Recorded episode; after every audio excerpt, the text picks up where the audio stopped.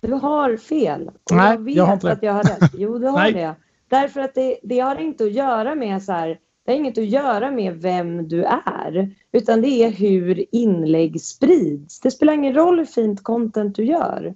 Det har inte, alltså plattformen, det är en jävla techplattform.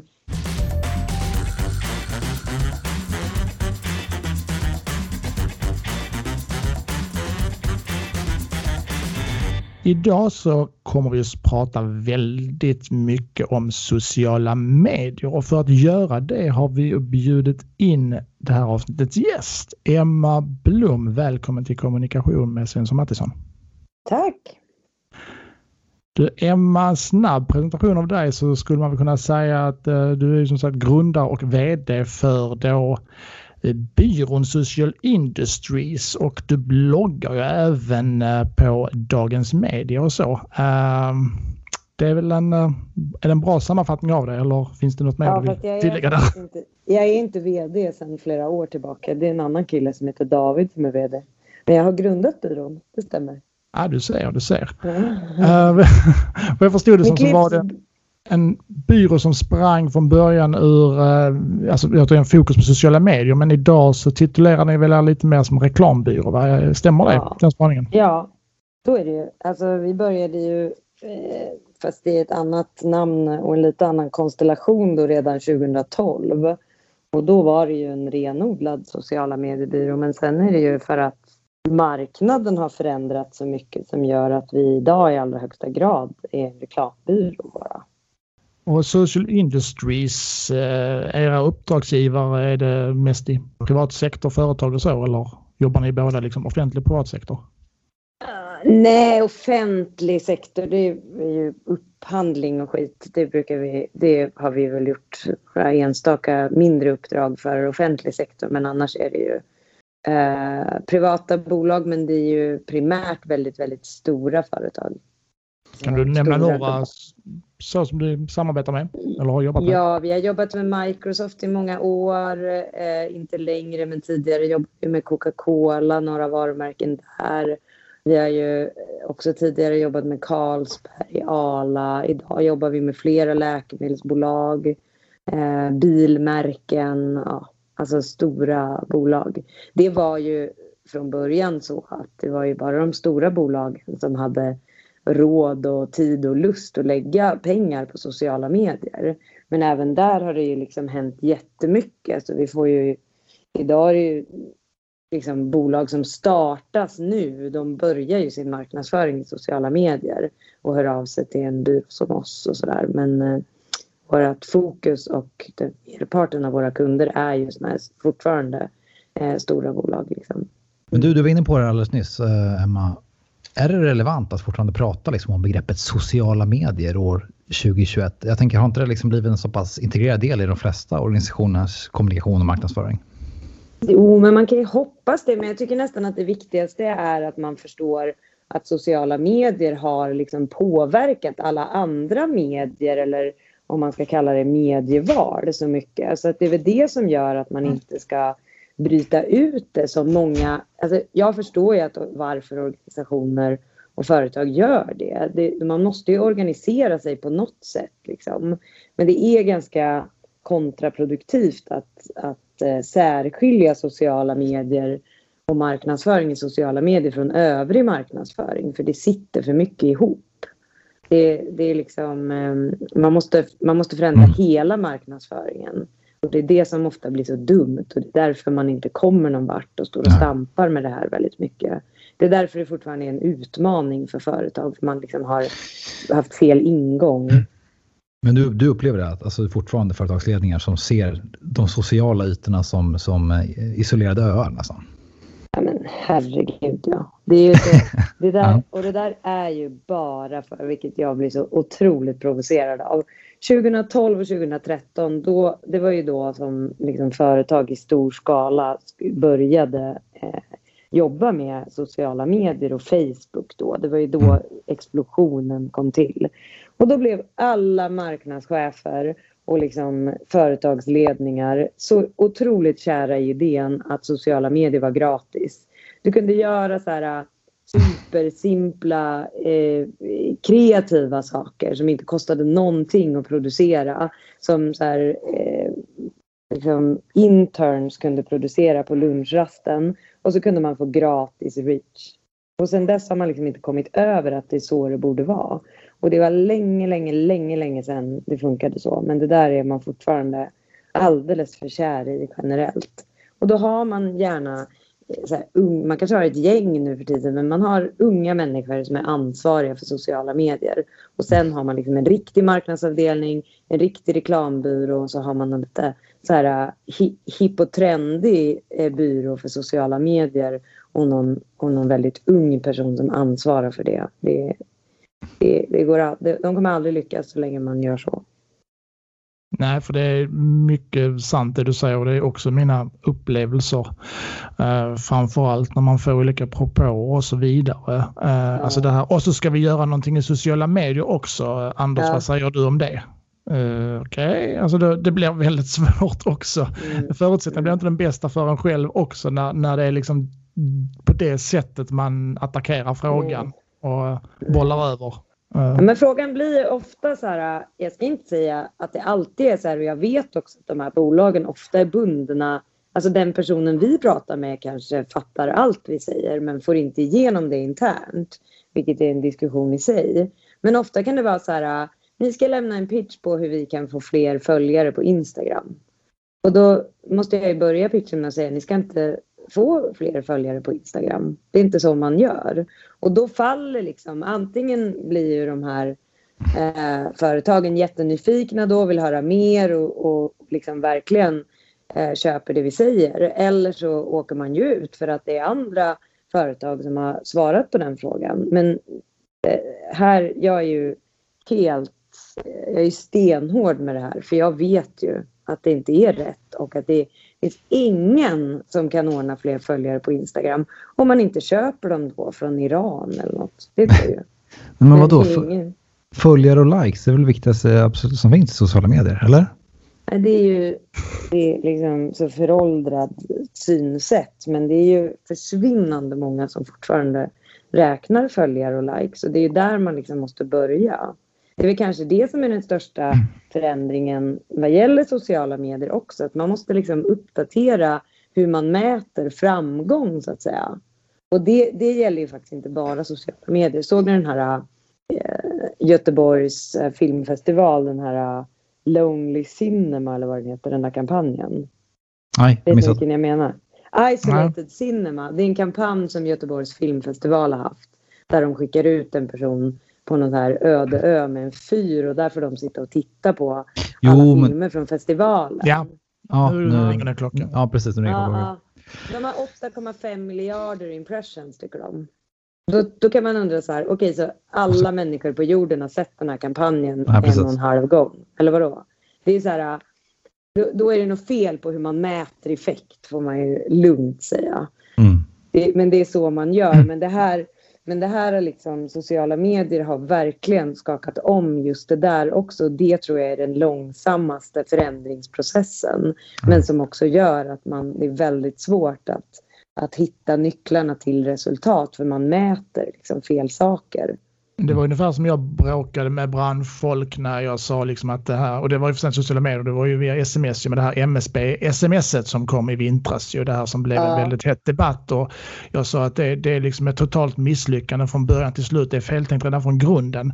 Och vadå, eh, det nådde ju allihopa och herregud en snackis och så många medier skrev om det och den fick ju fem miljoner besökare den här sajten och så vidare. Ja, men håller folk avstånd mer än vad de gjorde innan? Det är väl det åtminstone som måste, är väl syftet kring det här. Nej, det är bara, då skulle bara få effekt, eh, räckvidd på detta. Ja, men snälla någon sa det, det. Hela pandemin handlar ju om att mänskligt beteende, att få folk att hålla avstånd, tvätta mm. händer och så vidare. Det är det du ska mm. foka på och fokusera. Herregud, räckvidd kan mm. du ju eh, få hur mycket som helst. Du kan köpa jordens räckvidd om du vill. Men... Ja, absolut. Det, bara... det, det var jättemånga ledande branschfolk som inte förstod vad jag snackade om där. Och som var fast i det här liksom att, ja ah, men vadå, det är, det är en supersuccé. Mm, mm. Nej, det där är svårt just med också räckvidd om man inte kopplar det till andra parametrar. Då kan man ju också ifrågasätta hur mycket räckvidd är värt. Men det här är ju också ett problem i sociala medier. Fortfarande skulle jag säga att eh, man tycker ju de senaste åren, vilket också är ett faktum, att räckvidden har ju minskat. Alltså den breda räckvidden. Och det är ju för att sociala medier, och nu pratar jag primärt Facebook då som är störst, men det gäller alla plattformar. Det är ju, man jobbar ju alltså med relevans. När du som användare går in på vart du än nu går in så ska du uppleva det som en relevant upplevelse. Så den ska, feeden så att säga ska vara så i så hög utsträckning som möjligt skräddarsydd för dig. Och då bygger den på ditt beteende. Då säger det sig självt att man inte kan se liksom, eh, alltså det, det släpps inte igenom eh, en film som någon bara vill ha så bred räckvidd med som möjligt. Därför att den kan ju bara tilltala dem för vilka det är mest relevant. Förstår ni vad jag menar? Mm, fullständigt. Då, och, men då säger folk så här, ja men reachen har minskat och det har blivit dyrare och det är dåligt. Nej, det är inte dåligt, men ni måste ju styra om hela marknadsföringen till att fokusera på att göra reklam för de som det är mest relevant för. Är det relevant för hela jordens befolkning att se Isolated Cinema? Den kampanjen? Var nej. Det är det absolut inte. Så att man, det, det där att 8,5 miljarder människor har sett eller liksom 8,5 miljarder impressions. Det betyder ju inte ett skit. Precis som det där räckvidd på det där smset. Jag vet inte, jag har ingen specifik åsikt om just det men, men, eh, men eh, det, det har ju ingen som helst betydelse. Man måste alltså börja titta på helt andra parametrar i takt med att, att mm. liksom, tekniken förändras. Men vilka, vilka är nyckeltalen då tycker du att man ska kika på idag? Så att säga? Nej, men nyckeltalen liksom skrivet eller sagt i vanlig svenska, det är ju att man hittar de tal som bevisar att man har lyckats påverka den målgrupp som är relevant. Så att egentligen måste man ju släppa hela grejen med bred reach. Därför det, det talar emot hela sig själv. Alltså ju bredare publik du har, desto mindre relevant är det för samtliga personer i den publiken. Så att man måste ju liksom göra om till att så här, ta, ta typ Ala mjölk. De har ju i alla tider haft en målgrupp tycker de på mellan, alltså alla i hela Sverige mellan 16 och 80. Det säger sig självt att du inte kan göra en reklamfilm som alla mellan 16 och 80 ska tycka är relevant. Så kan man ju liksom inte jobba. Ska du nå de som är 16 till 20 då får du både eh, använda andra kanaler, andra typer av uttryck. Alltså det funkar liksom inte. Men det, jag säger inte att det är så som Arla fortfarande jobbar men, men man måste eh, liksom börja med vilka ska se det här, hur ska det här vara relevant för dem? Och sen så får man hitta mättalen baserat på det. Till exempel då, nu är det extremt, men ta så här TikTok. Eh, då kan ju en video kan ju få en miljon views men det är inte riktigt jämförbart med att få en miljon views på Instagram. För då kommer man omedelbart tycka att TikTok är mycket bättre för att visa video. Men allt måste ju sättas i sin kontext. Förstår ni vad jag menar? Det går mm. liksom inte. Och det där, jag säger inte att det är lätt, för det är det fan inte. Men det är väldigt så här, man måste verkligen bryta ner det och, och titta på så här, vad bevisar den här siffran? Och då skulle jag säga att 8,5 miljarder impressions, det bevisar inte ett skit. Nej, alltså det har vi sett också. Det, det, finns ju många exempel på det att, eh, vad ska man säga, högt engagemang att bli stor i sociala medier inte på automatik leder liksom till slutmålet framgång. Alltså det är ju bara att ta Sverigedemokraterna är de som det partiet som har överlägset högst engagemang i sociala medier bland svenska partier. Men de är fortfarande bara Sveriges tredje största parti. Eh, Donald Trump var ju överlägsen Joe Biden i sociala medier men förlorade ändå valet. Ja, det, det där... de, de, de, de är intressanta. Men det är bara att titta på liksom, om man ska hårdra det då vad gäller till exempel social eller Sverigedemokraterna och även Donald Trump så är det så här, ju mer kontroversiell du är desto mer driver det kommentarer till exempel. Och, och, då, och det driver ju både för och emot kommentarer. Men, och då kan man inte bara titta på, åh kolla, vi fick eh, så här mycket engagement. Ja men det är ju både folk som är jättearga, folk som håller med och mestadels är det ju troll. om man hårdrar då vad de skriver, men Sverigedemokraterna har ju en del inlägg eh, även inför valet förra året som är liksom direkt rasistiska. Och det, är ju, det kan Socialdemokraterna också lägga upp och få högre engagement.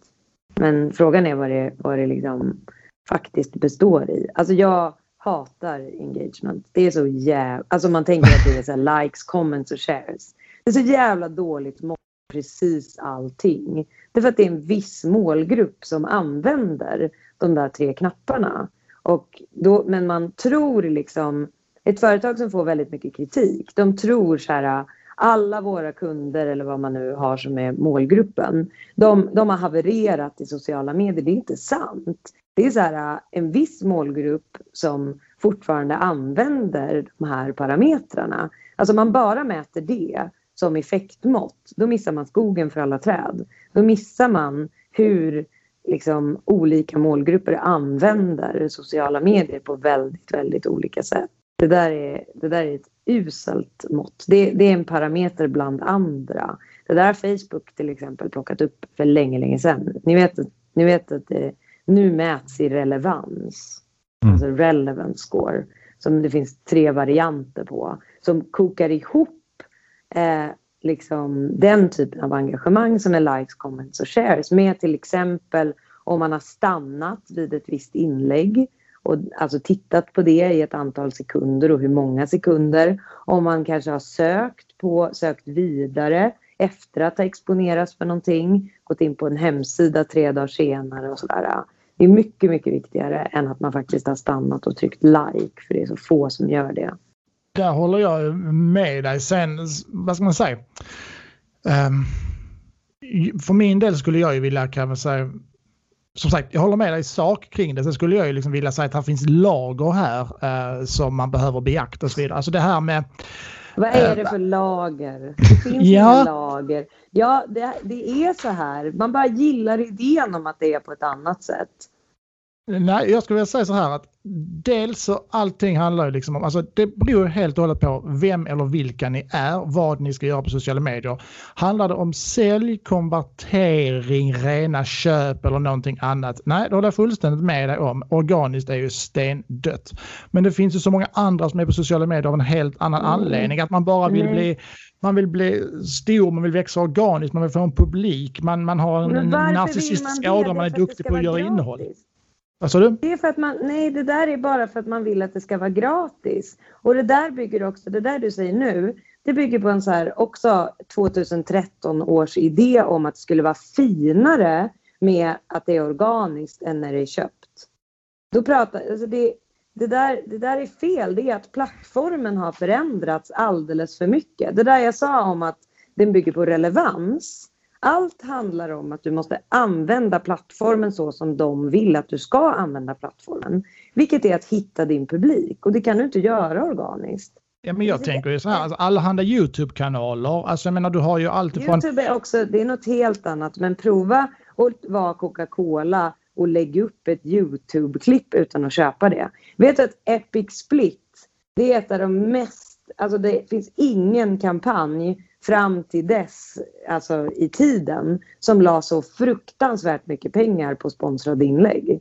De bara, åh det är en viral succé. Det är inte en viral succé. De har tagit en kändis och därmed kunnat gjort PR på det. Och sen köpte de videoviews på, på med det här, de har bytt namn nu men AdViral eller vad de heter. På ett helt sinnessjukt sätt. Det är bara det.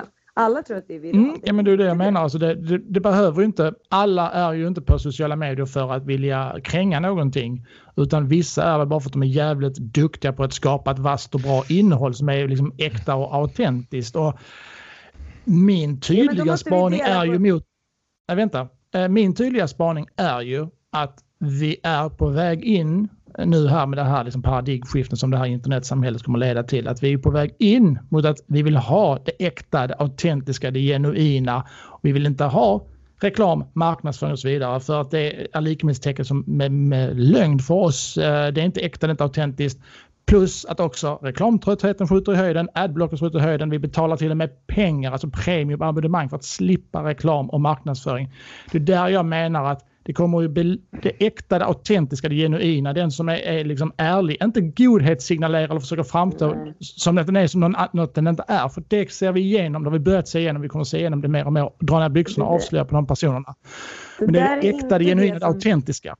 Nej, det där, det där håller jag absolut inte med om därför att det, det är inte det som man ser i siffror. Alltså om du tittar på så resultat när du liksom eh, ta, ta den här, eh, såg ni Cancerfondens kampanj eh, i år? Det är den här, de har gjort mm. två stycken tror jag, en om två systrar där den ena dör i cancer och så har de gjort den här som har gått överallt nu med den här pappan som får cancer till en, han är ensamstående med sin son. Det är en lång film med en jättefin låt, specialskriven. Och så berättar den då eh, utan repliker den här historien då om en pappa som får cancer och en son som såklart blir jätteledsen och orolig och sen blir pappan frisk då. Och så tar sonen studenten, slut på historien. Den är ju så här, eh, alla blir berörda och folk säger att de gråter och, och så vidare. Man ser den där filmen, jätte, jätte, jättefin film. Problemet med den typen av content det är ju att det inte når människor på de här plattformarna överhuvudtaget. Därför plattformarna stödjer liksom inte det formatet. Alltså det, jag sitter ju inte jag står och väntar på en buss och har en och en halv minut och scrollar i en feed. Då, då sätter inte jag på en tre och en halv minut jättesorglig film om cancer på något sätt. Man får mm. liksom inte ut det. Medans då relevant reklam så det har ingenting att göra med att det, det, där, det där är fel i grunden att så här, folk blir så arga när det är så köpuppmaningar. Jag blir skitförbannad om jag eh, för tio år sedan hade fått blöjreklam. Mm. Nu blir jag inte lika arg. Jag har ju en bebis. Liksom. Så att allt handlar om att min feed, de vet så mycket om mig så att den reklam jag ser oavsett köpuppmaning eller inte, den är baserad på mitt beteende. Om jag i tre månader bara skulle titta och surfa på saker som har med cancer att göra, ja då skulle jag också exponeras för det i högre utsträckning och då skulle det vara relevant för mig. Men den där gängse idén om att uppmaningar till att köpa är fult och att vi har en reklamtrötthet. Reklamtröttheten den bygger på att varumärken då säger så här, men vi ska ha så bred reach som möjligt så alla ska se det här och de ska se det liksom 500 gånger var på ett halvår. Som Comvik och Tele2 och Fortum och alla de här har jobbat i alla år. Så hög reach som möjligt. Då är det irrelevant och då funkar det inte. Men Nej. det där, Nej. Det där är, får jag, får jag, stämmer inte. Får jag flika in lite här bara? Jag har förståelse för bådas eh, argument eh, kring det här. Liksom. De senaste åren har jag jobbat mer med uttalad marknadsföring så att säga. Och jag ser ju styrkorna jättemycket i att köpa just för att man kan pinpointa sina målgrupper i mycket större utsträckning eh, jämfört, med mm. man, jämfört med att bara satsa på organisk reach så att säga.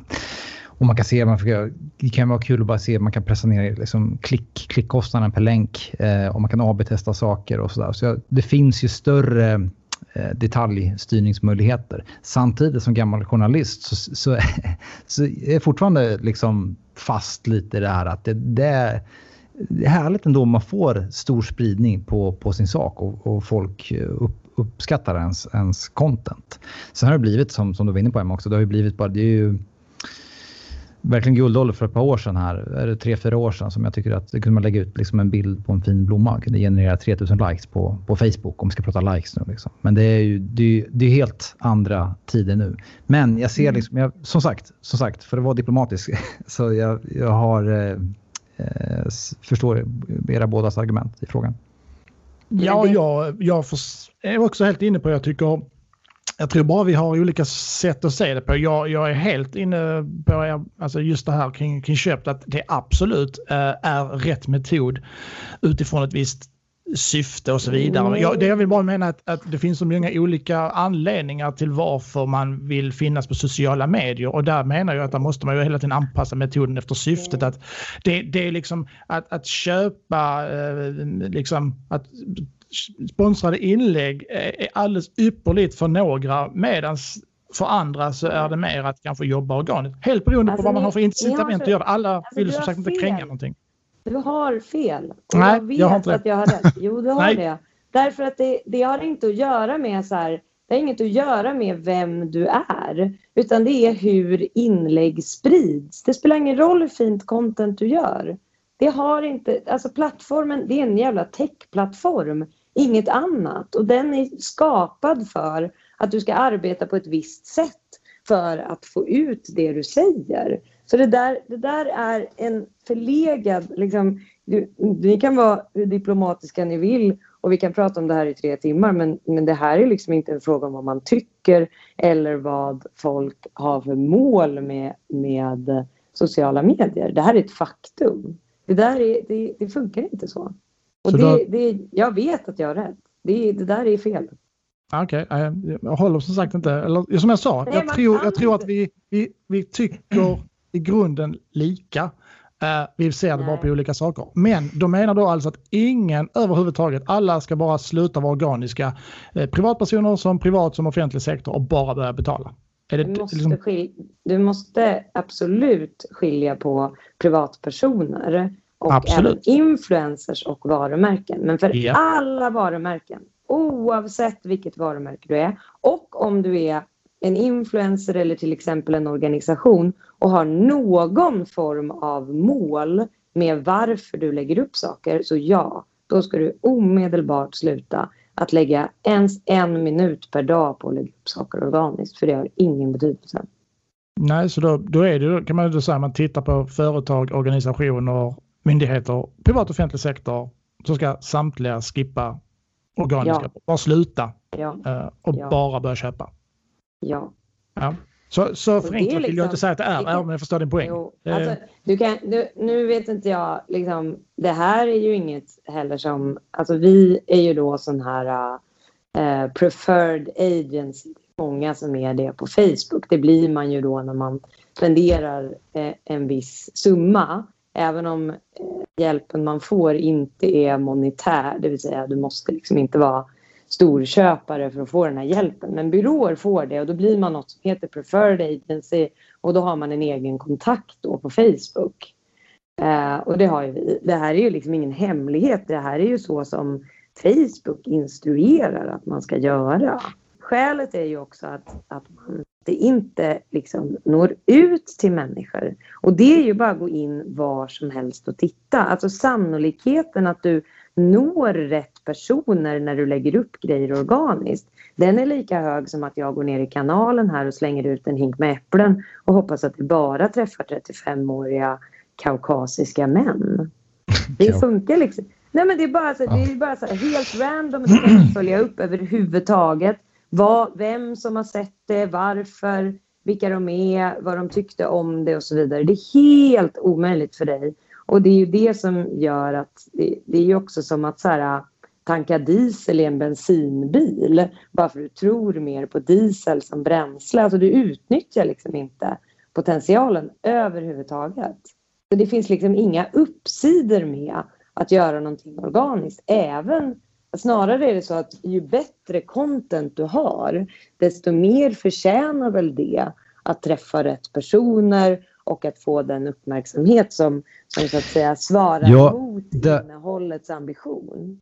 Precis, alltså jag tänker så här, bra innehåll kommer alltid vara bra innehåll oavsett om det boostas eller om det man kör det organiskt. Säger Ja, men du kan göra hur jävla bra innehåll som helst men om du inte ser till mm. att det boostas då, då syns det inte överhuvudtaget. Nej, nej, Där kan man faktiskt ta, det... apropå ert eh, exempel om det här smset, alltså Folkhälsomyndigheten har ju varit jävligt duktiga på att distribuera sitt material måste jag säga. De har ju gått så här, de har ju gjort precis så som jag säger att man ska göra egentligen. Att de har ju gått otroligt brett i sitt kanalval. De har sponsrat poddar, de har kört liksom pre-rolls i poddar, de har eh, kört på stories, i feed, i liksom programmatic buying. De har varit skitduktiga på att köpa. Och det där kunde man ju tänka då att det där är ju det mest angelägna. Det, alltså Folkhälsomyndighetens eh, informationskampanj eh, under pandemin. Det är ju relevant för varenda jävla människa i Sverige. De har ändå anammat det här eh, att man måste hitta rätt målgrupp i rätt kanal och så vidare. Sen har det blivit några så här små missöden med när man har försökt att nå icke svenskspråkiga och så. Men de har ändå haft en jävligt ambitiös och bra medieplan måste jag säga. Vad bedömer, du att det, vad bedömer att deras budget ligger på för? Gud, det har jag ingen aning om. Det är många miljoner. Men mm. de har säkert också, eh, alltså de har ju också fått draghjälp. Jag vet inte hur det där blev, men det var ju till exempel eh, Folkhälsomyndighetens motsvarighet i USA. De fick ju annonsera gratis på Facebook och så. Så att de har ju säkert eh, fått väldigt mycket rabatt. Ungefär som Barncancerfonden får väldigt mycket gratis liksom, i placering och sådär. Ja, men jag tänker så här. Ja, man kan inte vara ensam allt. Det är det som är tjusningen. Nej, absolut inte. Jag, tycker, jag tycker det är jävligt alltså, intressant och jag blir alltså, supernyfiken. På, uh, jag tycker ju bara att det är roligt, men, men så, så liksom, eh, vad ska man säga, luttrad och även eh, kanske ocharmig är jag. Så att mm. för mig är det liksom, det här är ingen tyckesfråga. Jag, jag, jag, är, jag, är, jag vet att jag är en förfärlig person, men jag sitter bara och, och myser. Jag vet att jag... det där är inte så. Nej, jag skulle gärna ägna en vecka åt att gå igenom liksom, de resultat som du eh, då anser att man får med det organiska. Jag kan skjuta det i sank på varje punkt. Som sagt, jag, jag, jag tycker bara det här är, är, är också otroligt kul. Eh, jag tycker absolut inte vi ska behöva överhuvudtaget hålla med om allting. Eh, jag, sagt, jag tycker bara det är intressant och det är roligt och eh, jag, vad ska man säga, som, som jag sagt tidigare också. Det blir ingen brevbomb sen hem till mig. Nej, jag lovar dig. Uh, och jag kan... visste vad folk blir kränkta av det här. Det kan jag tänka mig att de blir. Det kan ju för sig vara hur, det kan ju bero på hur jag framför det också, att det inte är så charmigt. Men, men alltså folk blir så arga på mig så det är liksom inte klokt. Jag får så här, när jag föreläser ibland, det var en gång jag föreläste på någon så här Handelsbankens företagare-event. Då fick jag jag fick massor med mejl efter det. Men ett mejl var så som var liksom skickat till då ansvariga för hela eventet och mig på CC om hur jag eh, hade förstört hela eventet. Både genom mig som person och hur, hur jag liksom eh, klankade ner på med företagare och så. Lite, lite så, det, det är det jag är van vid så det är lugnt. Ja. Och sånt, jag säga, sånt, sånt uppskattar jag. Alltså någon som är mm. rak, ärlig och står för det den tycker. Så att eh, jag liksom bara applåderar de mm. sakerna. Jag har noll problem med att... Eh, utan det är det man utvecklas av också. Jag kommer absolut att gå hem på min kammare och liksom stöta och blöta det du har sagt och så vidare. Och som sagt, i grund och botten så, så det jag, liksom, finns ingenting du säger som jag bara säger, äh, hon är helt galen. Absolut inte. Du, du har fullständig liksom, bra argument för allting du säger och så vidare.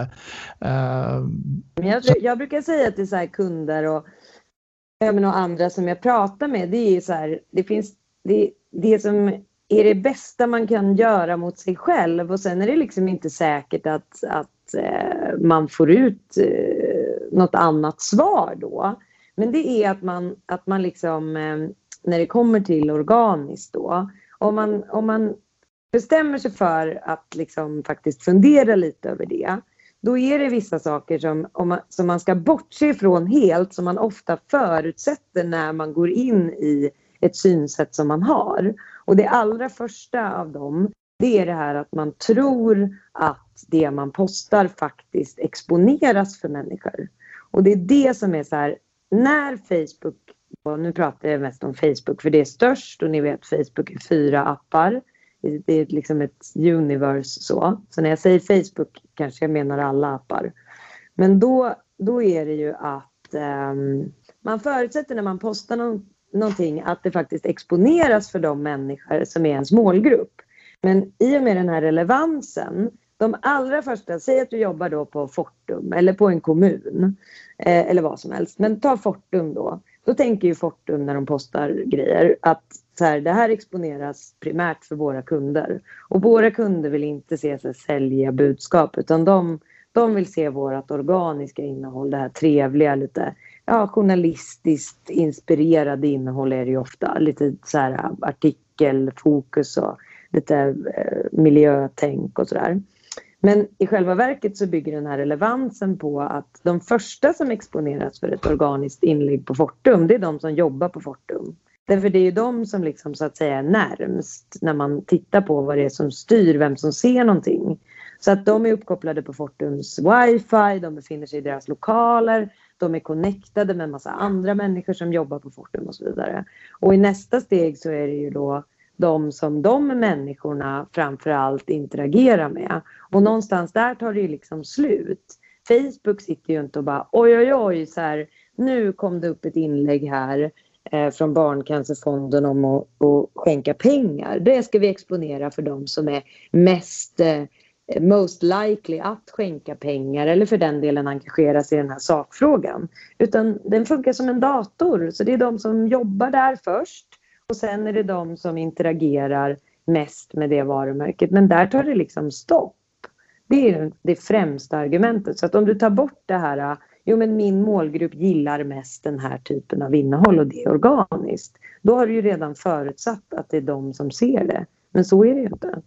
Och då, då faller ju liksom den första, så här, ja, det är så kul liksom, att se att, att det får många, att det får stor spridning. Det, kan, det är liksom, alla tror att, att det är rätt målgrupp då och så funkar det inte.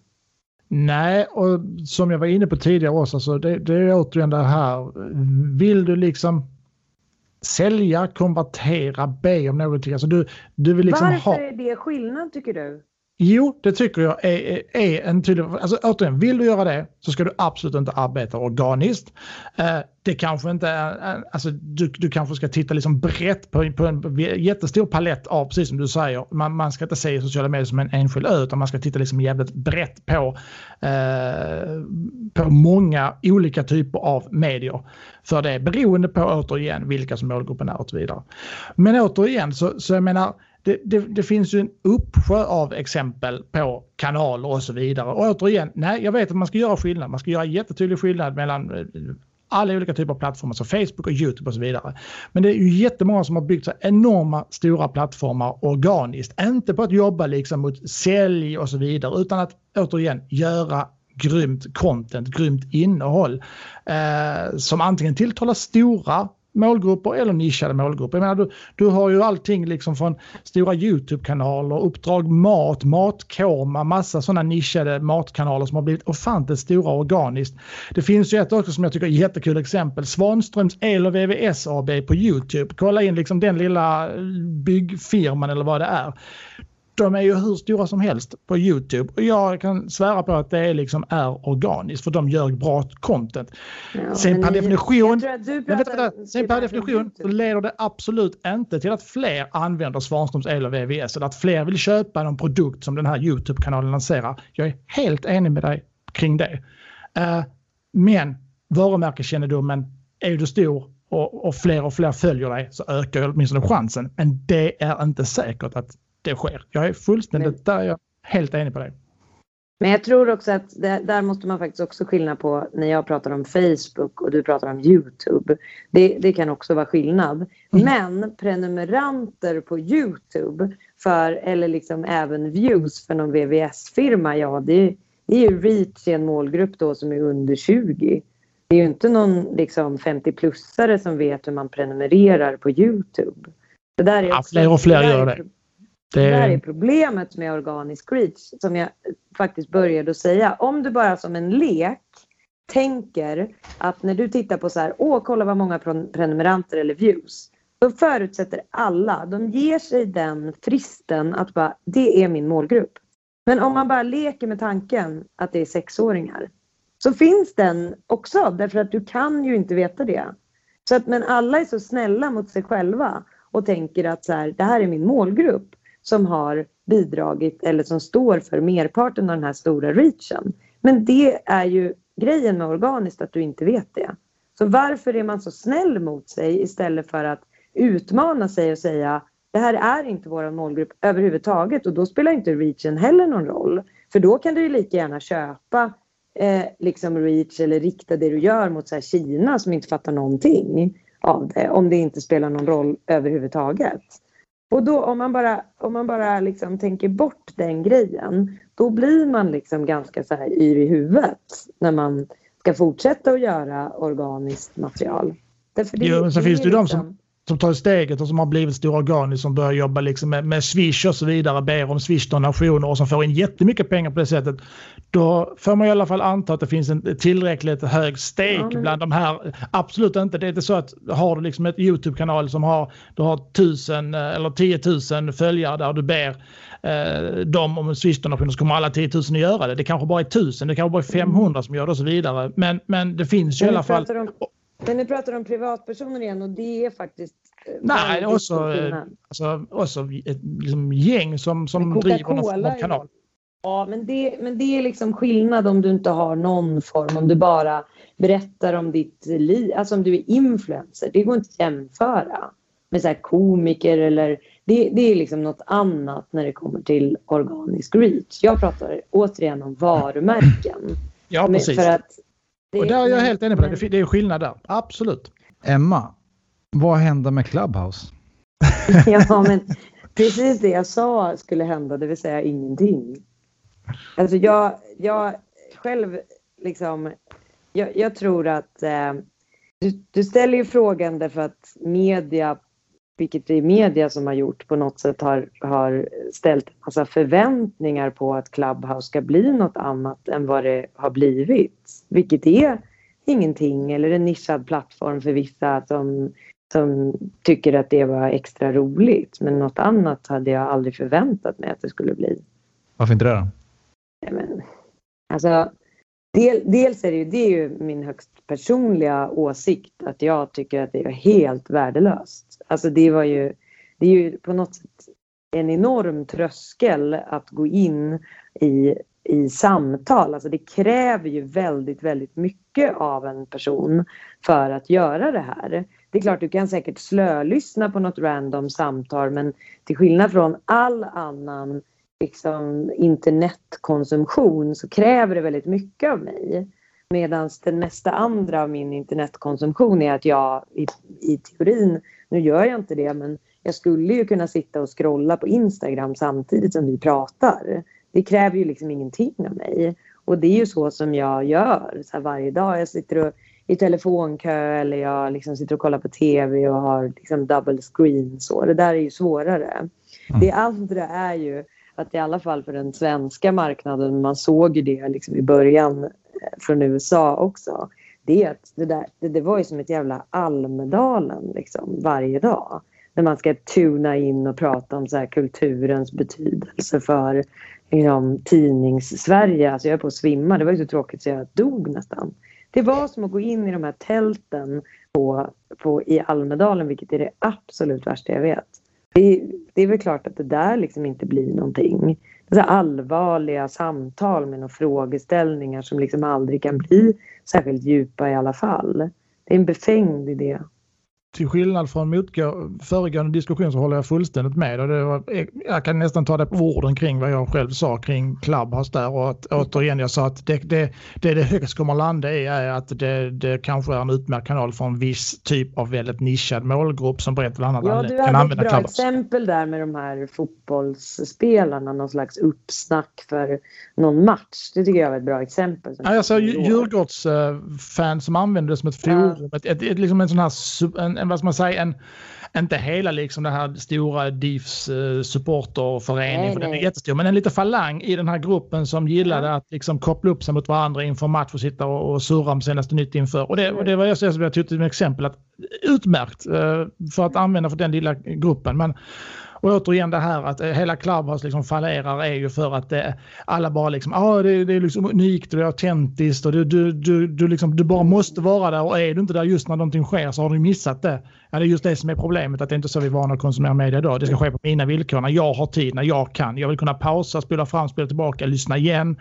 Alltså, det går emot allting. Annan men vet ni en annan grej som, är, som jag tycker är intressant som gör att jag också tänker så här, men det där blir liksom ingenting. Eller man vet i alla fall inte det nu. Det är att så här, Facebook hade ju inte funnits idag om inte Facebook hade så här, eh, nej men om de inte hade förnyat sig på det sättet som de har gjort hela tiden. Om de inte hade köpt Instagram, då hade det ju liksom inte blivit samma sak. De har köpt WhatsApp, alltså de har liksom lyckats, vad som är hönan och ägget, det vet man nästan inte. Men i takt med att människors beteende i sociala medier har förändrats så har de liksom kunnat möta det utan att egentligen tappa människor ur sitt, ur sitt nät. Förstår ni? Alltså Snapchat till exempel som också är liksom in decline eller alltså det är på väg bort eller så. De, det är deras, kommer vara deras livsmisstag att inte säljas till Facebook. Därför de har liksom inte den här ständiga och nästan en förnyelseprocess som är så snabb så att det nästan är det som styr människors beteende. Det kommer liksom inget nytt och då självdör det därför att funktionaliteten är för begränsad. Facebook har istället så här, okej okay, men nu vill folk göra så här, nu går det mycket fortare i vårt beteende, så här, man slutar scrolla i feed, då kommer stories, man plockar liksom. Är ni med på vad jag menar? Mm, det är så helt. det måste gå till. Så att därför kan man heller inte säga vad Clubhouse kommer vara för man måste också se eh, i perspektivet att Facebook har blivit det Facebook är under mer än tio år. Så har det liksom utvecklats. Men det kommer så, de så, nu för tiden och sedan många, många år tillbaka är de så oerhört snabba med det där. Så att det nästan är de som styr hur vi beter oss. Det, det tycker ja, jag. Facebook är väl mångt och mycket internet själv.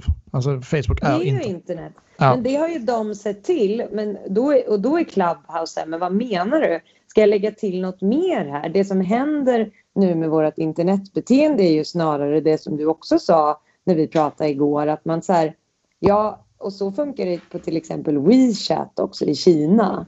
Man gör allt inom ramarna för det här. Man shoppar, man slösurfar, man läser och lyssnar på böcker, man lyssnar på musik, man chattar med sina vänner, man tar del av nyheter. Allt är inom ramarna för det här.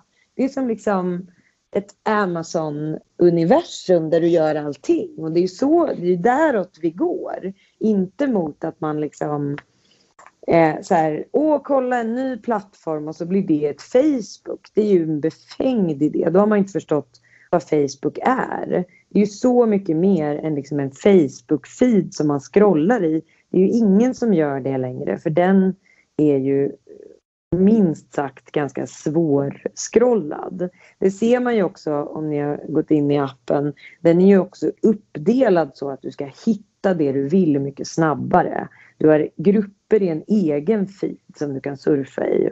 Jag kollar ju faktiskt ganska mycket på det här Facebook Watch eftersom jag är besatt av amerikansk elitgymnastik så jag kan ju titta på massa grejer där och så vidare. Men jag scrollar ju liksom inte någon allmän feed så. Nej, Facebook är ju mer ett verktyg skulle jag vilja säga i livet att ha.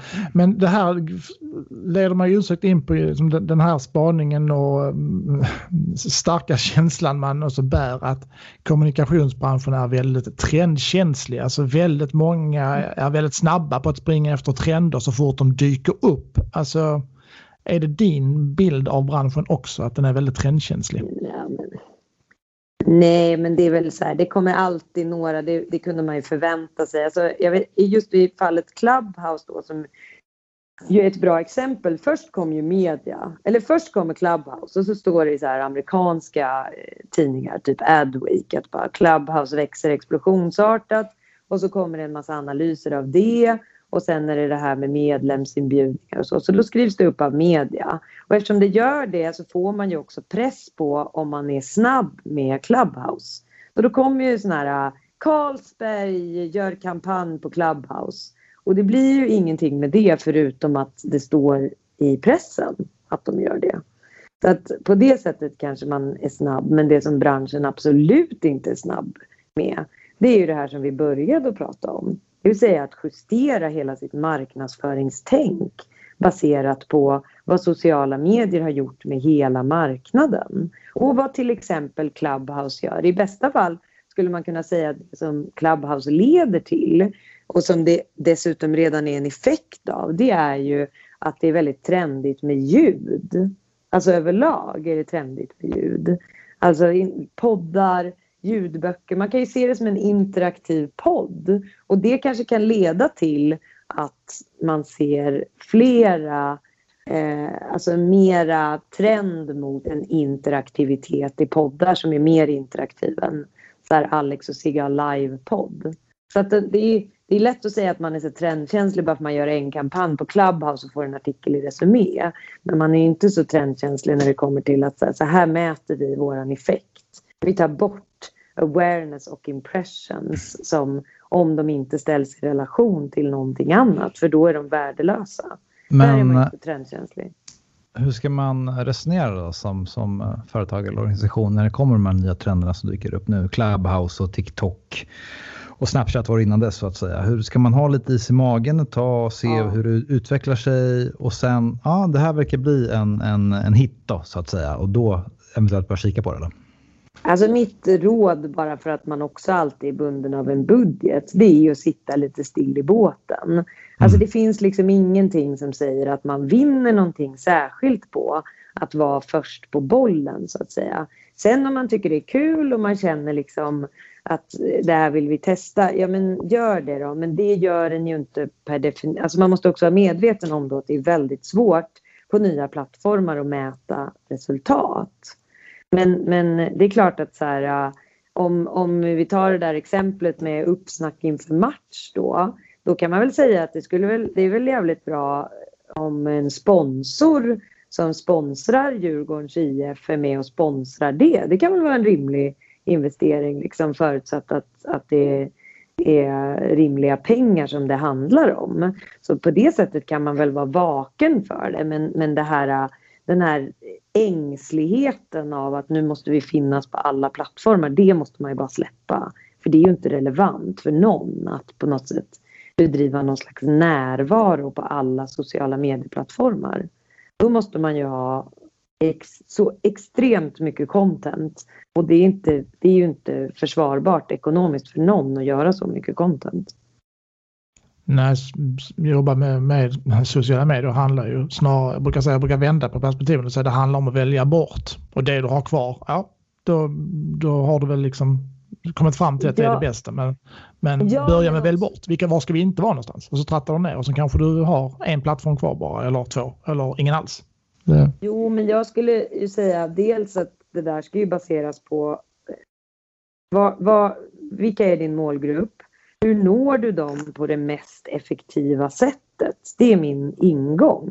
Vad är ja. mest effektivt här? Om du bara är ute efter liksom män 65 plus, då, då är det nog, då, då, är det liksom ingen, då kan man ju vara väldigt riktad i sin kommunikation och då kanske tryckt press är alldeles utmärkt.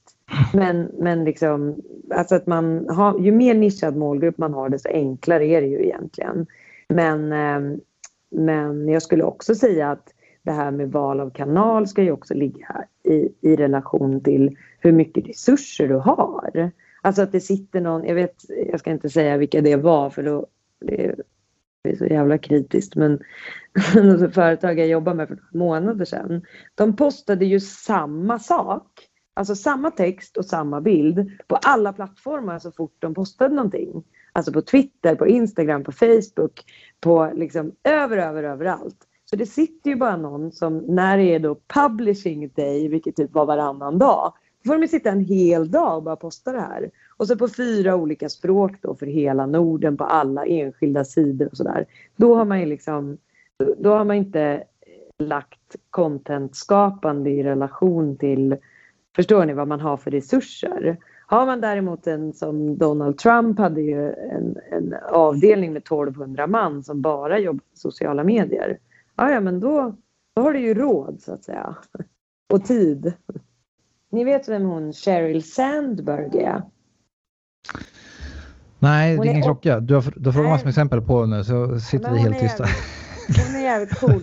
Hon är operativ chef på Facebook eh, globalt. Hon är ascool och väldigt mäktig, välavlönad person.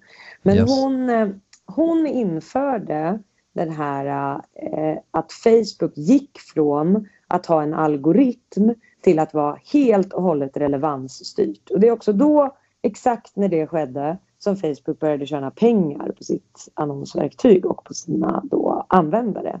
Innan dess, det man såg i sin feed, det var styrt av det som flest människor, eh, naturligtvis kopplat till flest eh, människor av dem som du är connectad med. Men det du såg överst i din feed, det var det som flest människor hade engagerat sig i. Och istället när den styrs av relevans så är det du ser överst i din feed det som du baserat på all den data och information som du ger till Facebook bara genom att finnas på internet. Eh, det, det, är ditt beteende som styr vad du ser överst. Ergo, jag ser överst eh, Simone Biles nya eh, dokumentär på Facebook Watch. Simone Biles då för er information är världens genom tiderna bästa gymnast. Medan tidigare var det så här, jaha men den här filmen har liksom en miljon likes, då kommer jag se den överst. Det finns ingen sån koppling längre överhuvudtaget. Och så att, men på den tiden när det var algoritmstyrt, då kunde man ju, eh, eh, åtminstone i teorin, skapa sig en viral succé. Därför att liksom alla, ju mer likes och shares och views du fick, desto mer fötter fick det så att säga. Så är det inte idag överhuvudtaget. Ingen missade ju till exempel metoo och Black Lives Matter. Men det är liksom alla människor som har exponerats för det har inte sett ett och samma inlägg. Så att eh, det som ni såg om metoo var inte det som jag såg. Jag kanske såg eh, jättemycket av det upprop som Mia Skäringer drev för att jag följer Mia Skäringer och jag är från Värmland och så. Medan ni såg mest av det Peter Gide gjorde för att ni är män. Nej, men ni fattar vad jag menar. Alltså det där är en otroligt tydlig skiftning som alla som tror att saker som ska få fötter har glömt bort. Eller inte känner till, men så är det. Alltså det är total helomvändning i vad det är som styr vad vi ser. Ja precis, det är ju relevans ju. En, eh, det är ju algoritmerna som styr relevansen, alltså utifrån datan som du lämnar ifrån dig. Så att kopplingen finns där ju. Men det är ja, inte det är bara precis som du säger. Utan, ja. Men glöm inte då att det är det som styr. Det är alltså inte det, kopplingen idag mellan vad du har likat. Alltså att du har likat en sida eller liksom följer ett konto och vad du ser i en feed. Den är den det är liksom, kommer inte ens på topp 10 över anledningar till vad du ser i din feed. Framför allt inte på Facebook, men det är samma på Instagram. Alltså det är vad du, om jag surfar en hel dag på trädgårdsmöbler, då kommer jag primärt att se trädgårdsmöbler och det kommer komma hundra gånger av hundra kommer det komma före så här, äh, Libro bara för att jag likade Libro för tre år sedan. Det är väldigt lite koppling. Det är därför det är också i och med den där ändringen som organiskt dog på riktigt. Därför att det inte har att göra någonting med vad du följer. Och så får det där en följdeffekt i att eftersom människor och användare märker att du ser en massa grejer som du inte själv har valt att följa, då minskar också våran eh, liksom, eh, vilja att följa saker. För det tappar ju helt värde. Det är ingen idé att jag går in och likar något varumärke. För jag vet ju att det, kommer inte, det är inte det som gör att jag ser det varumärket i alla fall. Så det hänger ihop. Liksom. Mm, absolut, absolut. Du Emma, vi ska ta och försöka avrunda lite grann och som alltid så skulle man ju vilja hänga kvar och prata ännu längre. Men uh, vi får försöka att dra och, och, kanske följa upp det här längre fram för att uh, jag tycker det är jäkligt kul att prata med dig. Uh, så att uh, jag tänkte då att du ska få skicka med lite grann till, till lyssnaren här nu om man nu blir jäkligt nyfiken om man inte redan följer dig. Men var, var ska man var följer man dig bäst och eh, ditt arbete? Ja, men vad, vad sägs om internet? Nej, jag skojar. Men det är väl... Eh, jag gör eh, det enda officiella kanal jag bedriver är LinkedIn som jag egentligen avskyr. Men där är jag mest aktiv och där hittar man ju länkar till eh, saker jag gör och är med i media och poddar och sådana saker. Det är väl det lättaste. Din blogg på Dagens Media, är den lite vilande nu eller den det är bara för att jag är lite mammaledig då.